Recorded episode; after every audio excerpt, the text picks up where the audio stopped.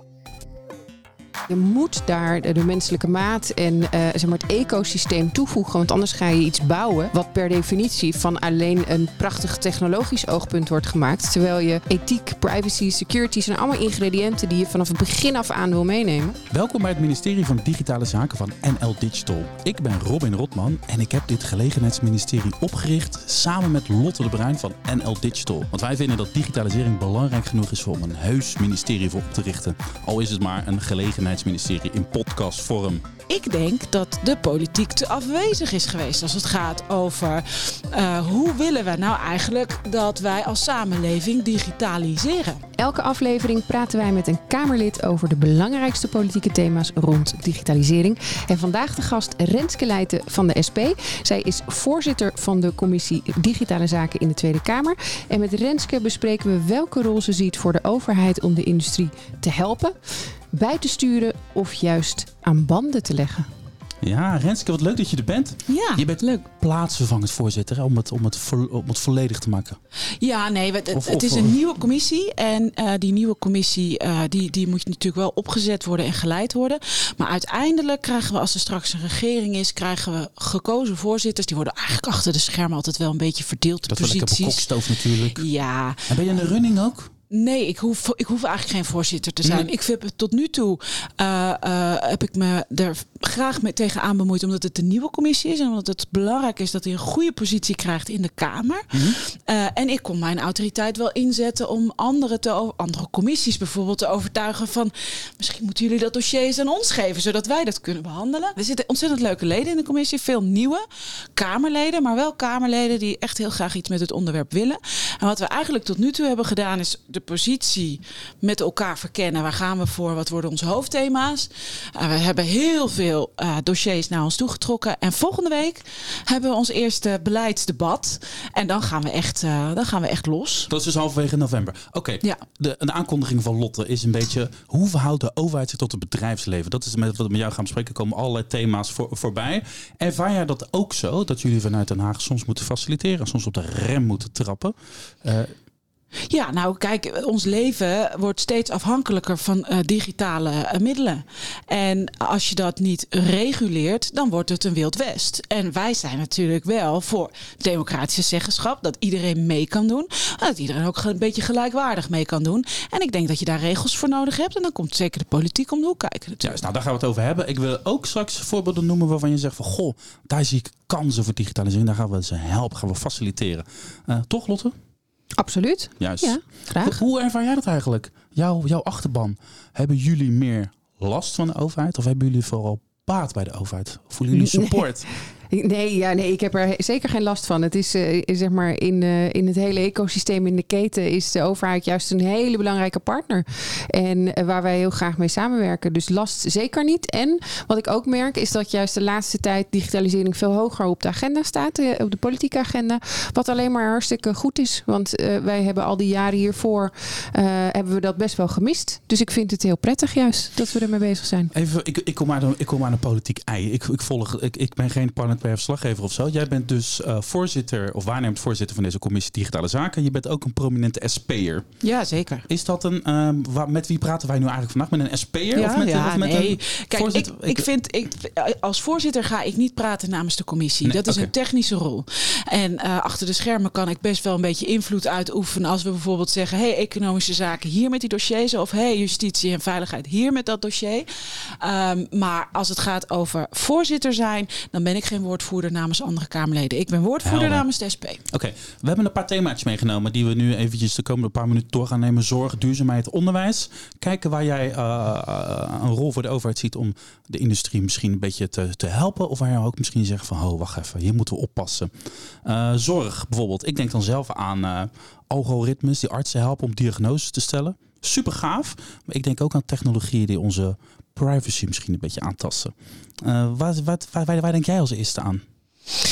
Oh, ook een beetje aan de zorgrobots, waar ik als oud zorgwoordvoerder best wel mijn bedenkingen bij had. Uh, ik denk dat waar je, de, waar je de als overheid om de hoek komt, is de basisprincipes blijft uh, zorg, menselijk contact voor iedereen bereikbaar. En als je dan bijvoorbeeld ziet dat die zorgrobots en toepassingen enorme toevoeging zijn naast menselijk contact. Dan denk ik prachtig. Uh, maar als je zegt het is vervangt menselijk contact, dan zeg ik, ho wacht. Het gaat toch ontmenselijke. Precies. En ik denk dat, dat je daarnaar moet kijken. En hetzelfde geldt voor die algoritme die de arts helpt.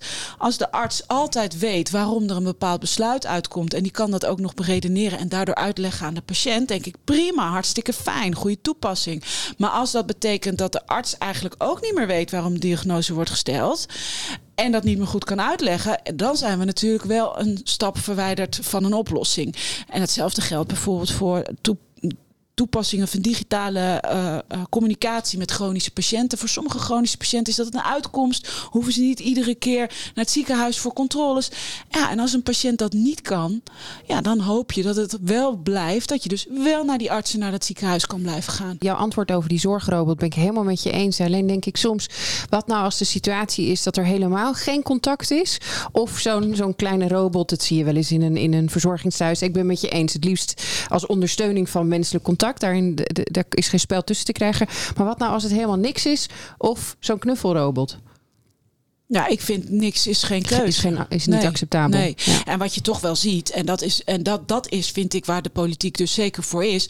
Zorginstellingen zijn tegenwoordig organisaties die winst moeten maken. Ja, dan zijn de loonkosten zijn een probleem. En als je dan door die robot zegt, nou dan halen we ook iemand van de groep weg. Want die robot die is er toch om met mensen te praten. Dan zeg ik, ho, dit gaat de verkeerde kant op. Terwijl als het een, een toevoeging is. Ik heb het wel eens gezien met jonge kinderen die in het ziekenhuis liggen. Die er onwijs veel aan hebben. En super vrolijk van worden. Dan denk ik, ja, doen natuurlijk. ja. Hey, en wat voor kansen zie jij voor uh, digitalisering in de zorg? Dat je echt denkt van, oh wauw, dat vind ik gaaf. Daar wil ik, wil ik zo'n handje helpen ook. Nou, kijk, er wordt onwijs veel geholpen. Hè? De subsidies die de overheid verleent voor allerlei projecten zijn legio. Wat mij betreft mogen we daar nog wel eens een keer heel goed naar kijken. Ja, dat weet ik wel. Maar wat vind je nou mooie digitale technologie? Waar ik van yes, dat gaat de zorg, de zorg waar mijn hart naar uitgaat, een nou, handje helpen. Nou, als het technologie is die ontwikkeld is met de basis. Niet vanuit een ivoren die denkt, oh dat is een mooie toepassing, daarmee kunnen we besparen. Maar door artsen en patiënten samen, door zorgverleners en mensen die zorg nodig hebben samen. En dat is denk ik sowieso heel erg belangrijk. Of je nou beleid maakt in een ministerie. Je moet weten waar je het over hebt. Het moet een toevoeging zijn. Ja, het moet een hulpmiddel zijn. Ik, ik, sprak laatst een, eh, een oncoloog uh, in Amsterdam. Die laat gewoon uh, algoritmes meedenken over diagnostiek, om uh, fotootjes te bekijken of, uh, of, of, of, of, daar een tumor zit. En, en dat gaat echt helpen. Dat gaat misschien wel levens. Ik denk van, oh, wauw, dan mag maar wel wat, wat centjes bij. Laat ze maar. Ah, totdat op het punt komt dat uh, computer says no. En dat we eigenlijk niet zo goed weten waarom eigenlijk niet. Nee, maar dat en dan moet je als arts gaan uitleggen aan die familie waarom dat kindje van 12 niet wordt geholpen. Ja, of, dat je, of, dat je, of dat je gewoon een hele groep over het hoofd ziet of wat dan ook. Kijk, ik heb natuurlijk heel veel uh, betrokkenheid gehad bij het toeslagenschandaal. Ja, daar hebben we wel het tegenovergestelde gezien van algoritmes van wat je wil. En uh, de hele vervuiling van die datazee die we nog op moeten gaan lossen. Want het is overal bij de overheid uh, gedeeld. En dat heeft natuurlijk enerzijds is dat nou ja, het toepassen van algoritmen in data. Anderzijds is het natuurlijk ook de dienstverlening die uit werd gezet bij de overheid. Maar daar zijn we echt in de komende jaren ook nog fors mee bezig om dat op te lossen. Dus daar moet het natuurlijk zeggen, maar je bent niet tegen algoritmes? Nee, helemaal niet. Nee, okay, Ik ben er wel tegen dat we niet meer weten waarom besluiten worden genomen. Hey Lot, hoe kunnen we eigenlijk uh, technologie en digitalisering inzetten voor de duurzaamheid? We zitten tenslotte hier met de SP aan tafel. Ik vind de duurzaamheid belangrijk. Ik weet dat jij het ook belangrijk vindt. Wat voor kansen zijn er nou voor digitalisering om, om Nederland een beetje schoner en duurzamer te maken? Die zijn er ook heel erg veel. Net zoals eigenlijk in de zorg waar we het, uh, waar we het net over hadden. De toepassingen om ervoor te zorgen dat de klimaattransitie beter en sneller gaat. Zit in nou ja, het, het thuiswerken bijvoorbeeld. Dus heel, eh, door, omdat wij allemaal thuis zijn gaan werken was de CO2-uitstoot en de vervuiling veel minder. Maar je kunt natuurlijk ook energiebesparende uh, oplossingen door toepassing van technologie um, in verschillende sectoren toepassen. Denk of, of elektrische auto's, dat soort zaken. Daarin is natuurlijk uh, digitalisering, dat is de, dat is de basis. Die, als je die toepassing van digitalisering een, een, een sector uh, ontmoet op dat snijvlak, ontstaan juist heel veel mooie innovatieve dingen.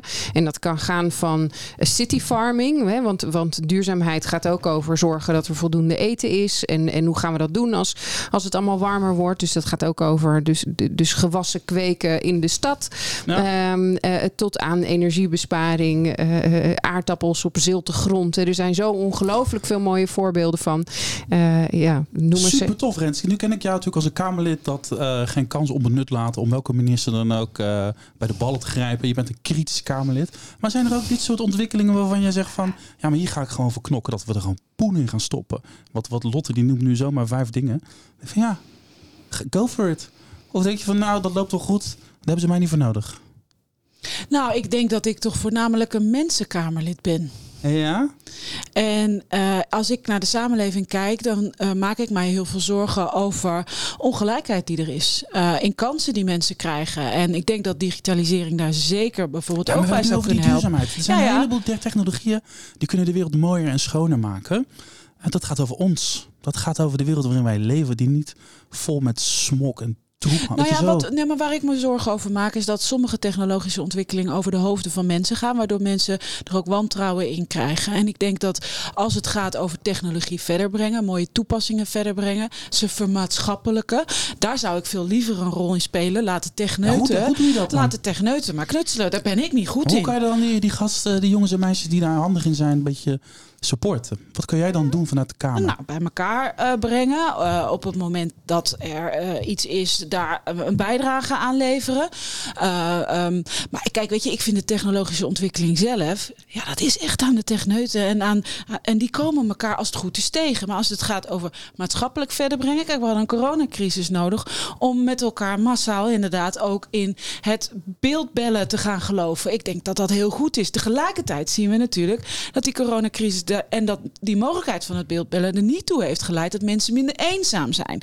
Dus ik zal altijd die vinger aan de pols houden. Wat zijn de menselijke gevolgen en ook wel voor klimaat en duurzaamheid van technologische toepassingen. Want tegelijkertijd zeg jij, ja, super interessant als we elektrisch gaan rijden met z'n allen. Want is er geen CO2-uitstoot. Maar vergeet niet, dan moeten we allemaal wel meer energie hebben. En dat moeten we ook opwekken. En hebben we dat dan ook voldoende? Hè? En daar is de politiek dan altijd voor om die de balans te houden en te zorgen. En dat vind ik echt mijn rol, ook vanuit de SP. Kan iedereen deelnemen? En we zien nu al de energiearmoede. Ja, zit je met je mooie technologische ontwikkelingen als je je energierekening niet kan betalen? Of bij de start van de mhm. coronacrisis, allemaal hartstikke leuk dat ieder kind van heel veel gemeentes meteen een laptop en een iPad kreeg. Maar als er maar één tafel in huis staat waar drie kinderen aan moeten studeren, dan gaat het ook niet. Dan heb je juist weer tegenovergesteld wat je wil, hè? Dan is het juist niet Precies. inclusief. Ja, en, en, en dat, is, dat is iets wat ik altijd uh, voor ogen zou houden. Oké, onderwijs. Dit is voor Lot natuurlijk belangrijk. Ik weet dat het voor jou ook belangrijk is. Uh, inclusie begint vaak in het onderwijs. Hè? Dat is een beetje een speerpuntje van jou, Lotte. Zeg ik dat goed zo? Ik ja, nu ja, ik zeker. niet namens jou. Ja, nee, dat eh, mag. Inmiddels mag dat, ja. Maar wat heb jij dan eigenlijk nodig van de overheid of van de Tweede Kamer of van Renske en, en haar commissie als het gaat over digitalisering in het onderwijs? Nou, uh, dat begint voor mij inderdaad op school, bij primair onderwijs. Als het nou gaat over gelijke toegang, dan is het nu nog steeds zo dat sommige kinderen wel leren omgaan met digitalisering in de breedste zin van het woord, de informatiekunde, mediawijsheid, noem maar op. Alles wat je nodig hebt eigenlijk om, om goed beslagen te ijs te komen in deze wereld die inderdaad steeds digitaler wordt. Dat zei je net ook al. En sommige mensen krijgen dat, dat wel en sommige niet. Nou, dan sta je al gewoon 1-0 achter. Of misschien wel 10-0. Dus als je het hebt over die menselijke maat, zou ik het echt, echt heel fijn vinden als er een doorbraak komt. Uh, liever uh, vandaag dan morgen in de aanpassing van het curriculum. Maar concreet dan, want er moet er een vak komen. De, nee, nou dat maakt mij. Kijk, daar, dat is een uurtje per week of. of nee, dat laat ik aan scholen zelf. Er zijn heel veel mensen die daar veel slimmer in zijn dan ik. Hoe je dat toepast. Ik zeg alleen maar, er zijn, als het gaat om digitale geletterdheid, zijn er vier basisprincipes. Nou, neem mediawijsheid of informatiekunde. Of je dat nou loslaat op een biologieles waarbij je data gaat analyseren. Uh, of uh, bij maatschappijleer kijkt wat uh, algoritmes kunnen doen, noem maar op. Dat maakt me niet uit. Of een apart vak. Als het er maar is. Ja, ik denk dat het hartstikke nodig is. Maar ik moet je heel eerlijk zeggen dat ik gewoon net iets te weinig weet over wat er in de klas gebeurt om daar een groot oordeel van te hebben. En ik denk dat waar het onderwijs ook wel bij gebaat is, is dat het met het onderwijs gebeurt. Hè. Wat, wat zien we? Ook hier zie je eigenlijk de kloven zich verdiepen. De klassen worden groter. De problemen in de klas zijn ook niet minder. De leraren worden nog steeds niet gelijk betaald. Uh, en daar zie je ook wat, wat, waar ik me heel veel zorgen over maak. En dat is ook weer nou ja, een extra tweedeling die er is dat, dat, dat opkomende private onderwijs, die bijlessen, hè, koop de bijlessen, wie wil dat nou niet? Dan zie je dat het eigenlijk het funderende onderwijs eigenlijk, ja, eigenlijk uh, parasiteert. Ja. Uh, en ik ben het helemaal met je eens dat die dig digitale ontwikkeling moet zijn. Maar nou was ik laatst een keer in een klas. Nou, ze hebben helemaal geen borden meer met, met, met schoolkrijt. Ik bedoel, dat Zoals was mijn tijd, tijd nog. Ja, ja, ja, ja tuurlijk. Nee, maar tuurlijk. ik kan me nog herinneren dat, dat, dat we een computer kregen. En wat voor een rip uit het lijf dat was van mijn vader. En daar mocht ik echt niet op. Um, want uh, dat kon stuk. En nu, ja, weet je, dat, is, dat is natuurlijk gigantisch geweest, die ontwikkeling. Ik denk dat dat zeker ook zijn, uh, zijn uh, beslag moet krijgen in het onderwijs. En zeker om die tweedeling tegen te gaan. Ja. Dat lijkt me heel erg belangrijk. En dan is wat jij ook zegt, mediawijsheid is ook zo belangrijk. Want je kan alles vinden. Maar alles wat je vindt, klopt dat ook? Hoe herken je dan uh, bepaalde dingen als, oh, hoe weet je het op waarde te schatten? hoe weet je afwegingen te maken? En dan heb je het ook gewoon weer over ja, ethische waarden mm -hmm. uh, van democratie, uh, mee kunnen doen, vrijheid van meningsuiting, uh, maar ook gewoon menselijke waardigheid. Ja, dat zijn allemaal, dat, dat zijn natuurlijk discussies die er ook enorm meespelen. Uh, en ik denk dat de politiek te afwezig is geweest als het gaat over uh, hoe willen we nou eigenlijk dat wij als samenleving digitaliseren. Ja. En ik denk dat dat ook een van de redenen is waarom we die, die digitale zakencommissie hebben. Um, er moet gewoon daar waar je ziet dat het zo'n impact heeft op mensenlevens, van duurzaamheid tot de klas tot de zorg. Nou ja, toeslagenschandaal ook in het, uh, in, het, in het achterhoofd. Dan moet je veel beter. Je gaat hem elke veel keer beter. wanneer je de kans krijgt, komt toeslagenschandaal. Ja, maar, ja, je moest dus weten wat voor Ja. digitaliseringscomponent eraan zit. Het is echt, eh, hè, bedoel, de, eh, en, en dat heeft meegespeeld in het dus openen van de gaan van het onderwijs naar de, de, toeslagen. Oké, als ik minister van Digitale Zaken was. Lotte heeft een paar vragen voor je meegenomen. Twee gesloten, twee open vragen. Lotte, Ja, zeker. Twee open, twee gesloten. Eh, Het, het nuanceren mag achteraf. Als ik minister van Digitale Zaken was, dan zou ik flink extra investeren in de aanpak van cybercrime. Zeker. Als ik minister van Digitale Zaken was, dan zou ik het mogelijk maken dat elke Nederlander zich gratis kan omscholen naar een digitaal beroep met toekomstperspectief. Niet zeker. Niet Dan- zeker of niet? Nou, ik ken alle afwegingen niet. En ik bedoel, iemand die zich zou willen omscholen naar de zorg of dat onderwijs, zou ik ook prima vinden. Dus dan moeten we misschien zeggen dat omscholing makkelijker moet. En dan mag dat ook naar digitale beroepen. De nuancering heeft bij deze al plaatsgevonden. Ik ga snel naar de, naar de open vragen.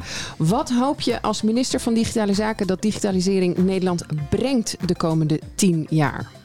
Geen folderteksten, visie graag. Nee, nou, ik denk dat wij dus het moeten hebben over ethiek.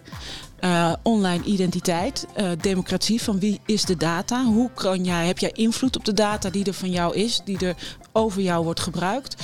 Eh, en dat betekent ook regulering.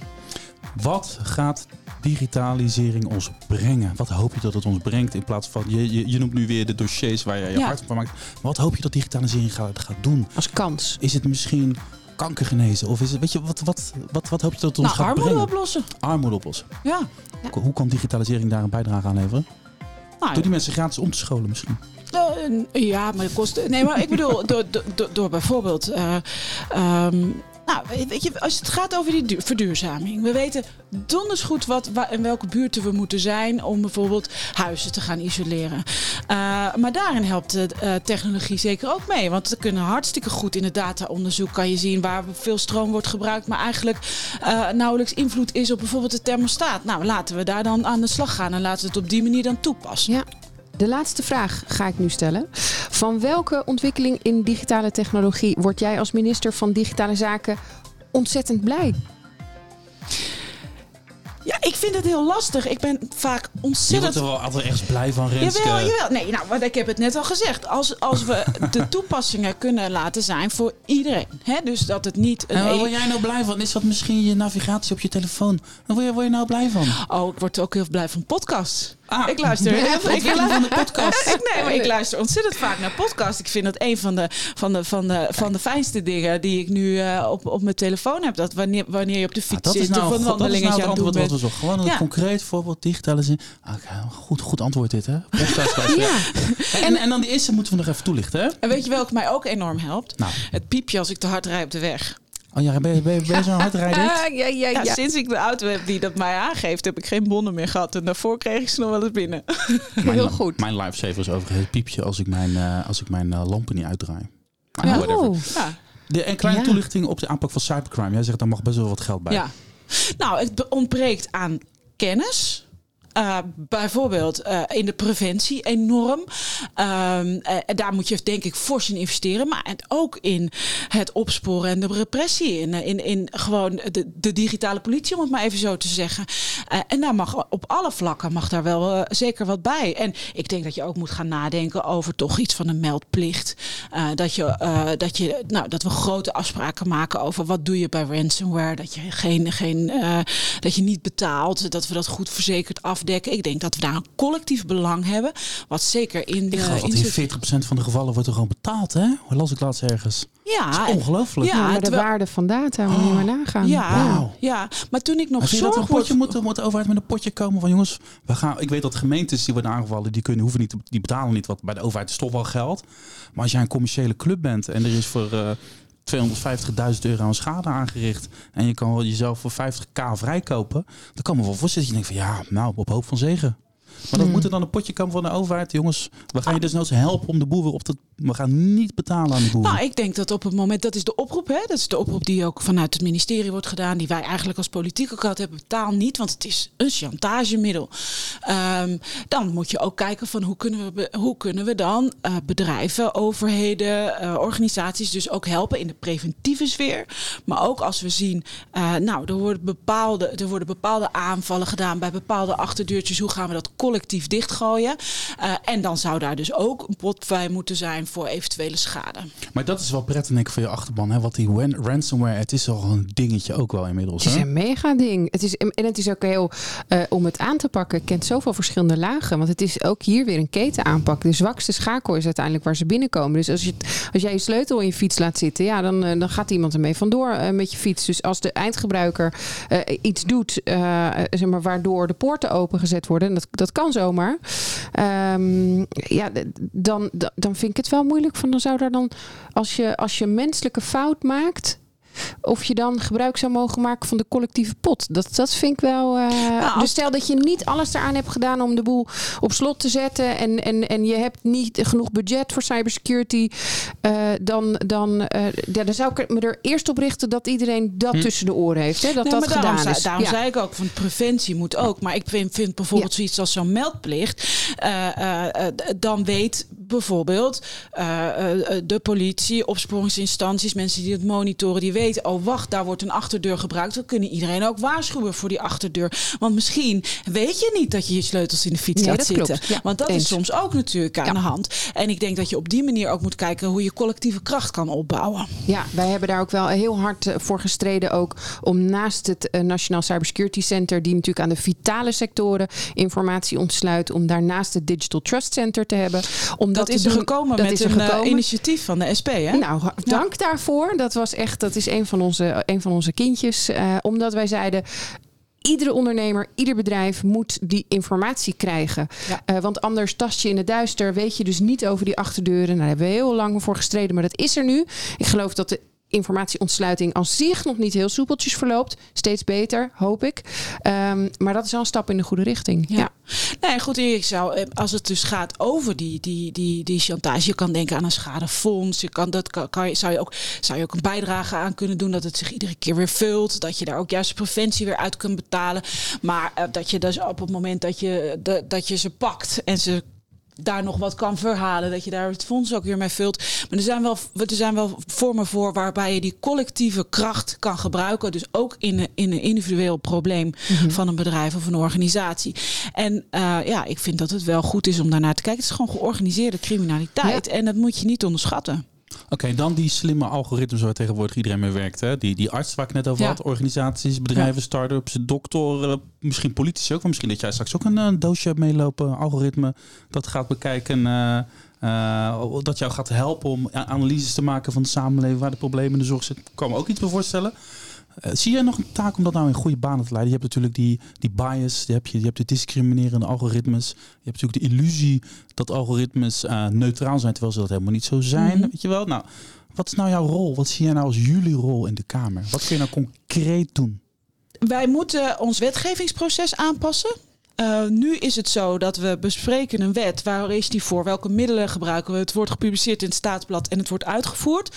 Maar juist in die uitvoering, zeker als het digitaal wordt uitgevoerd, worden nog heel veel politieke keuzes gemaakt. En de Raad van State heeft ons daarop gewezen. De Wetenschappelijke Raad voor Regeringsbeleid wijst ons erop. Het Ratenau Instituut. Je hoort in die ontwikkelfase van de uitvoering van beleid... hoor je eigenlijk ook nog te weten welke afslagen worden er genomen. Want het is niet waardevrij. Dat hebben we natuurlijk lange tijd gedacht. Uh, dus dat, moet, dat, dat is denk ik heel erg belangrijk. Verder vind ik dat we als overheid voor de besluiten die we maken... die voor inwoners zijn, nooit met uh, zelflerende algoritmes moeten werken. Je moet altijd een besluit kunnen herleiden. Op basis van welke data heb je een besluit genomen? Want stel nou dat die data bij jou niet klopt. Uh, maar daardoor is wel een besluit genomen. Dan kan je, weet je ook waar tegen je uh, bezwaar kunt maken. Dat en hoe je dat recht uit die toeslagenaffaire natuurlijk. Onder andere. Ja. Onder andere. Okay. Uh, en, en daarin moeten we niet te naïef zijn. En daar ben je natuurlijk helemaal mee eens, Lotte. Want het, dat hoor ik je ook vaker zeggen. Het moet herleidbaar zijn. Wij hebben het eigenlijk. We zitten Absoluut. nou eigenlijk naar te kijken met z'n allen. Absoluut, dat moet zeker. Um, en dat moet ook tot stand komen met een. Want je had het net over. Uh, laat de techneuten doen waar de techneuten goed in zijn. Maar je moet daar de, de menselijke maat en uh, zeg maar het ecosysteem toevoegen. Want anders ga je iets bouwen. Ja. Wat per definitie van alleen een prachtig technologisch oogpunt wordt gemaakt. Terwijl je ethiek, privacy, security zijn allemaal ingrediënten die je vanaf het begin af aan wil meenemen. Ja. En dat is ook een van de dingen die wij in onze ethische gedragscode met gebruik van AI of overgebruik van AI hebben staan. Dat dat ook echt samen met een ecosysteem wordt, uh, um, wordt gemaakt. Dat er regelmatig wordt gecontroleerd of ook op bias. Want dat sluipt er ja, zomaar in. En hier is nog heel veel te doen. Ja, wat hier wil ik een vraag over stellen aan jou. Zij hebben dus een prachtige ethische code opgesteld. Ja. Een gedragscode over AI. Hoe gaan we nou om met die algoritmes, et cetera. Hoeveel vertrouwen heb jij in het zelfregulerende vermogen van de digitale industrie? Nou, ik heb geen reden om daarover te wantrouwen. Praat jij veel met uh, uh, partijen uit de digitale industrie? Heb je veel contacten daar? Nee, dat is, dat is echt allemaal nog in opbouw. Uh, wat ik wel merk is dat het bestaan van de digitale zakencommissie... dat dat ontzettend veel enthousiasme leidt. En ook heel, tot heel veel nou ja, initiatief om met elkaar te spreken. Maar ik zelf was geen woordvoerder op digitale zaken. Ik weet van alles over dat toeslagenschandaal en de digitale kant daarvan. maar dat was nou, nou een van de dingen die de Kamer heeft gesignaleerd. Ja, je hebt wel specialisten die iets weten van het toeslagensysteem. Je hebt specialisten die iets weten van de, van de, de, de ICT-toepassing bij de politie. En weer een ander van in de klas. Maar we, we nemen geen overal keuzes. En daar is die digitale zakencommissie ook voor om dan te zeggen: ja, maar dit zijn dan wel de wezenlijke normen. En dan hoeft het niet bij de ontwikkelen van een corona-app weer opnieuw uitgevoerd maar ik kan me natuurlijk ook voorstellen: jij bent natuurlijk met, met je zit tot, tot, tot, tot, in, tot in je oren in de zorg werkelijk waar. En ook uh, die toeslagenaffaire, die heb jij samen met Pieter Ontzicht keihard voor, voor, voor, voor, gewerkt. Ik kan me ook voorstellen dat het misschien interessant is om met partijen uit de industrie te praten over hoe gaan we dat nou eigenlijk doen? Menselijke maat by design. Want dat is natuurlijk waar jij het over hebt. Menselijke maat by design. Uh, wat de oplossingen, die kunnen natuurlijk ook daar vandaan komen. Toch? Zeker, zeker. En ik, ik roep ook iedereen op die, de, die, die, die zich geroepen voelt om nou ja, de Belastingdienst en het UWV en de hele politieketen die van allerlei dingen met elkaar aan het uitwisselen zijn geweest, waarvan we maar de vraag kunnen stellen of dat mocht. Maar in ieder geval met welke kwalijke gevolgen dat is. Ja, dat zullen we bij, binnen de overheid helemaal moeten gaan opruimen. Dat gaat ook ontzettend veel kosten. En waar ik natuurlijk heel erg naar kijk is... Um, uh, de, de, de, ethische waarden en normen uh, uh, die in systemen zitten. Um, dat, dat, zie je ook vanuit de Europese richtlijnen natuurlijk nu komen.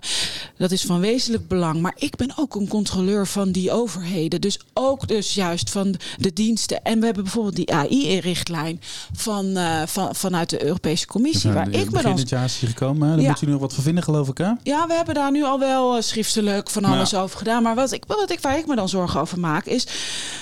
de, de wapens die zonder menselijke tussenkomst dodelijk mogen zijn. Ja, we hebben daar bijvoorbeeld kritiek op. What could possibly go wrong? En ja, daar wil de Europese Commissie niet op ingrijpen, want daar investeert ze ontzettend veel oh, dan in. gaat het over oorlogsvoering met. Ah, okay. Ja, ja, en je hebt natuurlijk niet die drones die zelf uh, uh, targeting doen, maar ze, ze gaan dat ook op andere manieren willen ze dat gaan inletten. Ik, ik, ik vind het doodeng dat dat soort systemen ontwikkeld worden. Zou je, dat zit, oh, daar zit ook AI in, veel En dan zeg je van nou, zullen we dus zorgen dat het altijd toepassingen zijn voor de samenleving. En dus niet bijvoorbeeld dodelijke wapens. En dan trekt uh, de Europese Commissie zich terug, want er zijn uh, belangen. En ze investeren daar heel veel in. En dat, dat, dat voel ik ook tot mijn taak als politicus om dat ook te zien. En dat, ja. ook dan vragen te stellen. Of bijvoorbeeld die AI-richtlijn. Die is heel weinig gericht op wat overheden mogen. Ja, uh, Aleid Wolfsen, die waarschuwt ons iedere keer. De, overheid heeft. De, ja, ja. ja, die heeft, de overheid heeft zeeën aan data. We weten niet wat ze gebruiken. Je bent er geen eigenaar van. We weten niet hoe, ze, hoe je ze profileert. Nou ja, we hebben Siri gezien, toeslagen. Nu weer die, die gegevenskoppeling bij uh, justitie. Ja, ik denk dat wij ook okay. wel wakker moeten worden met wat laten we de overheid doen. Ademhalen nu. Ja. Oké. Okay. maar mag, sorry, mag ja. ik daar nog een vraag over stellen? Want ja. kijk, op zich uh, is natuurlijk het feit dat iets een dodelijk wapen uh, wordt of voor als dodelijk wapen ingezet kan worden, is niet nieuw of uniek voor de digitale wereld. Nee. Dat heb je ook in de fysieke wereld zo. Hoe, de, hoe ga je daarmee om als je daar een voorbeeld van hebt in de fysieke wereld? Eh, doet Europa dan ook? ik trek mijn handen ervan af? Of is dat voor zover jij kan inschatten iets helemaal nieuws in de digitale sector? Nou, ik, de, toen ik erachter kwam dat er dat soort wapensystemen ontwikkeld worden, toen vond ik dat eigenlijk al een morele grens over. Dat komt ook wel vanuit mijn politieke achtergrond. Maar mm -hmm. ik denk dat je, dat, dat je ook van bepaalde dingen gewoon moet zeggen. Die ontwikkeling willen we niet. Die staan we gewoon niet toe. Fysiek of digitaal, daar zit geen onderscheid in. Nee, tuurlijk. Ja. Ja. Ik zou gewoon zeggen, laat hier die killer drones lekker knokken tegen andere killer drones. Dan gaan die drones maar gewoon die oorlogen voor ons uitvechten. En dan gaan wij zingen en dansen met z'n allen. Ja, maar we weten dat van oorlogen vooral mensen die die beslissingen zelf niet nemen, wel de grootste ruzie. Ja, ja, ja, precies. Nou, Oké, okay. we moeten een beetje naar het einde toe gaan werken nu. Um, jij bent dus het kritische Kamerlid. Ja, ik, ik ontkom er niet aan, maar dat is dan nou eenmaal zo. Misschien op het irritante af af en toe. Uh, hoe zorg je er nou voor dat je wel, uh, zeg maar, um, partijen waarvan je zegt dat ze het nodig hebben, dat het aan banden gelegd wordt, omdat het niet ten koste gaat van de innovatiekracht van al die andere ondernemers, die start-ups die gewoon wel toffe dingen aan het doen zijn. Hoe gaan we dat nou regelen? Nou, ik denk dat op het moment dat wij zeggen van we, leggen een ethische norm neer en we hebben zeggen van bepaalde technologie moet bepaalde uitkomsten leiden, dat dat helemaal niet de innovatie hoeft te knakken. Misschien bepaalde innovatie, maar ik wil graag dat wij de digitalisering inzetten om als samenleving beter van te worden, inclusiever, minder, minder ongelijkheid. Um, en en uh, als, als die normen behaald worden, ja, dan. Uh, vind ik dat prima. Maar dat vind ik eigenlijk van het gewone bedrijfsleven ook. Maar dat is in de praktijk ook. niet vanzelfsprekend toch, Lotte? Menselijke maat bedoel je? Nou, nee, dat zeg maar uh, dat gelijke speel. Als je met allerlei regels komt van of allerlei zaken aan banden wil leggen, dat niet uh, allerlei kleinere organisaties misschien nee, de dupe Nee, zijn. dat is dat zeker is niet zo. Dat is, we zien juist eigenlijk dat de, de, uh, de behoefte om grote organisaties te beteugelen, juist een enorme backlash hebben op, op ondernemers, MKB-bedrijven. Kijk maar naar de AVG. Wat daar is gebeurd, zijn gewoon heel veel ondernemers op zwart gegaan, omdat ze gewoon niet konden voldoen aan alle eisen die gesteld worden. Dus ik vind dat uh, daar moeten we echt heel goed naar kijken bij. Uh, Eens? bij wet en regelgeving. Ja, zeker. Nee, maar ik vind ook hoe, hoe, de, hoe de AVG is ingericht. Um, Uh, uh, de, de, de, het, het, levert niet de databescherming op die je eigenlijk zou willen. Bijvoorbeeld ten opzichte van overheden. En het beknelt nou ja, tot, tot aan scholen aan toe met wat ze wel en niet kunnen doen. Laat staan, en ook ondernemers. Tegelijkertijd is die discussie van wie is je data en hoe kom jij, hoe blijf je daar eigenaar van? Ja, daar moeten we wel met z'n allen Daar zijn we nog niet helemaal uit. Hè, met nee, nee. Uh, Lotte heeft een vraag meegenomen uit haar, van haar achterban. Jazeker, deze vraag die komt vandaag van Sophie Kuit. Zij uh, is de CTO voor IBM Services GBS BNL. Ik weet niet wat het laatste betekent, maar dat zullen we nog eens aan uh, Sophie vragen. Haar uh, vraag is. Hoe kan je er vanuit de politiek voor zorgen dat de verantwoordelijkheid over kunstmatige intelligentie niet alleen maar bij één partij aan het einde van de keten komt, maar dat dat eigenlijk een ketenverantwoordelijkheid is? Nou ja, ik denk dus ook reguleren, dat debat met elkaar voeren van waar wil je, waar, waar, welke uitkomsten wil je? Wat betekent dat? Welke voorwaarden je dan aan ontwikkeling stelt? Um, en en uh, ik denk dat dat heel erg belangrijk is. Kijk, jij zegt net van uh, normering kan ook leiden tot dat juist de innovatiekracht eruit gaat. Ik denk dat normering ook enorm kan beschermen, juist voor innovatieve krachten. Omdat je wel weet wat wel en niet mag en niet achteraf uh, de deksel op je neus krijgt. Of te horen krijgt dat je iets niet mag ontwikkelen. Dus ik, ik denk dat, dat, dat, dat, dat we daar goed naar moeten kijken. Die minister van Digitale Zaken, moet hij er komen? We hebben absoluut meer kennis nodig bij het Rijk. We hebben, als het gaat over legacy van systemen, ICT-systemen, grote problemen. Maar of dat per se met een minister moet, vind ik moeilijk om te beantwoorden. Staatssecretaris dan, ergens onder economische Nee, maar het gaat erom dat je de sleutels krijgt. Dus dat je erover gaat. Ik heb het in het verleden meegemaakt dat we een minister voor Jeugd en Gezin hadden. Die ging uiteindelijk nergens over. Ja, dan, dan richt je iets op voor de bühne. Met, met, met een gevel en mooi briefpapier. Het gaat om de intrinsieke motivatie van het nieuwe kabinet. om nou echt een stap te zetten en dit bij elkaar te brengen. En wij als Kamer hebben die intrinsieke motivatie met de commissie al uitgesproken. Maar als wij een minister voor Digitale Zaken krijgen. die uiteindelijk niks kan uitrichten. dan zijn we alleen maar met schone schijn bezig. En dan zou ik zeggen, dan moeten we zorgen dat we een aantal het liefst één, een aantal ministers goed verantwoordelijk kunnen houden voor het beleid. En dat is overigens nu wel een probleem. Wij spraken in de podcast hiervoor Lisa van Ginneken, eh, collega van jou van D66. Ehm, zij wilde nog even van jou weten, wat, zij, wat is nou de les of de truc die jij wil doorgeven aan de volgende voorzitter van die commissie Digitale Zaken? Je bent nu de waarnemend voorzitter. Wat is nou, wat mogen ze niet vergeten? Nou, de, de, de positie van eh, de Digitale Zakencommissie eh, behouden.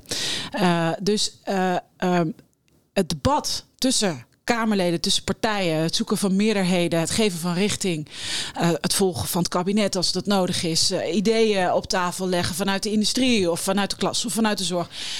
Dat gebeurt in die debatten. Maar wat je moet zorgen is dat die Digitale Zakencommissie als instituut eh, voort kan. Own hem. Je moet hem hebben, je moet hem pakken. Ja, en dat, heb ik, dat heb ik echt ook de afgelopen tijd heel erg ook met de commissie proberen te doen. We zijn een nieuwe commissie, jongens. Laten we zorgen dat we eerst positie krijgen. En dan gaan we die debatten wel voeren. De volgende keer eh, spreken we Laurens Dassen van Volt. Wat wil je van Laurens weten? Wat mogen we niet vergeten bij Laurens? Nou, zou hij het ook goed vinden? Kijk, ik weet natuurlijk dat Volt eh, vindt dat voor de meeste oplossingen Europese oplossingen moeten zijn. Eh, nou krijgen we te maken met Europese richtlijnen. Ehm, en bijvoorbeeld die AI-richtlijn richt zich heel erg op de industrie en weinig op overheden. En ik zou hem wel willen vragen, vindt hij ook niet dat het goed zou zijn als we overheden een beetje aan banden leggen met hoe zij binnenkomen in onze levens? Een beetje, beetje meer overheid en een beetje minder focus op, eh, op de bedrijven. Lotte. Nou, een beetje van beide. Lijkt Beetje me goed. beide. Beetje Ah. balans. Ik Ja, en ook kruisbestuiving. Precies. Kunnen heel veel van elkaar leren. Ah, dankjewel Renske Leijten van de SP. Eh, luister ook de andere afleveringen van het ministerie van Digitale Zaken terug. En eh, Lotte, waar moeten onze luisteraars dan zijn? Nou, dan gaan we naar het ministerie van Digitale Zaken.nl of naar je favoriete podcast-app. En vergeet dan vooral niet te abonneren. Nee, want dan krijg je ook deze aflevering terug en alle andere afleveringen die nog komen gaan. Zo is het. En als je nou zelf met brandende vragen rondloopt voor Politiek Den Haag. eh, Geldt ook voor jou Renske. Als jij nog een vraag hebt voor iemand, dan kan je ook gewoon mailen met ons. digitalezaken.nldigital.nl Yes, dankjewel. Dankjewel. Dank jullie.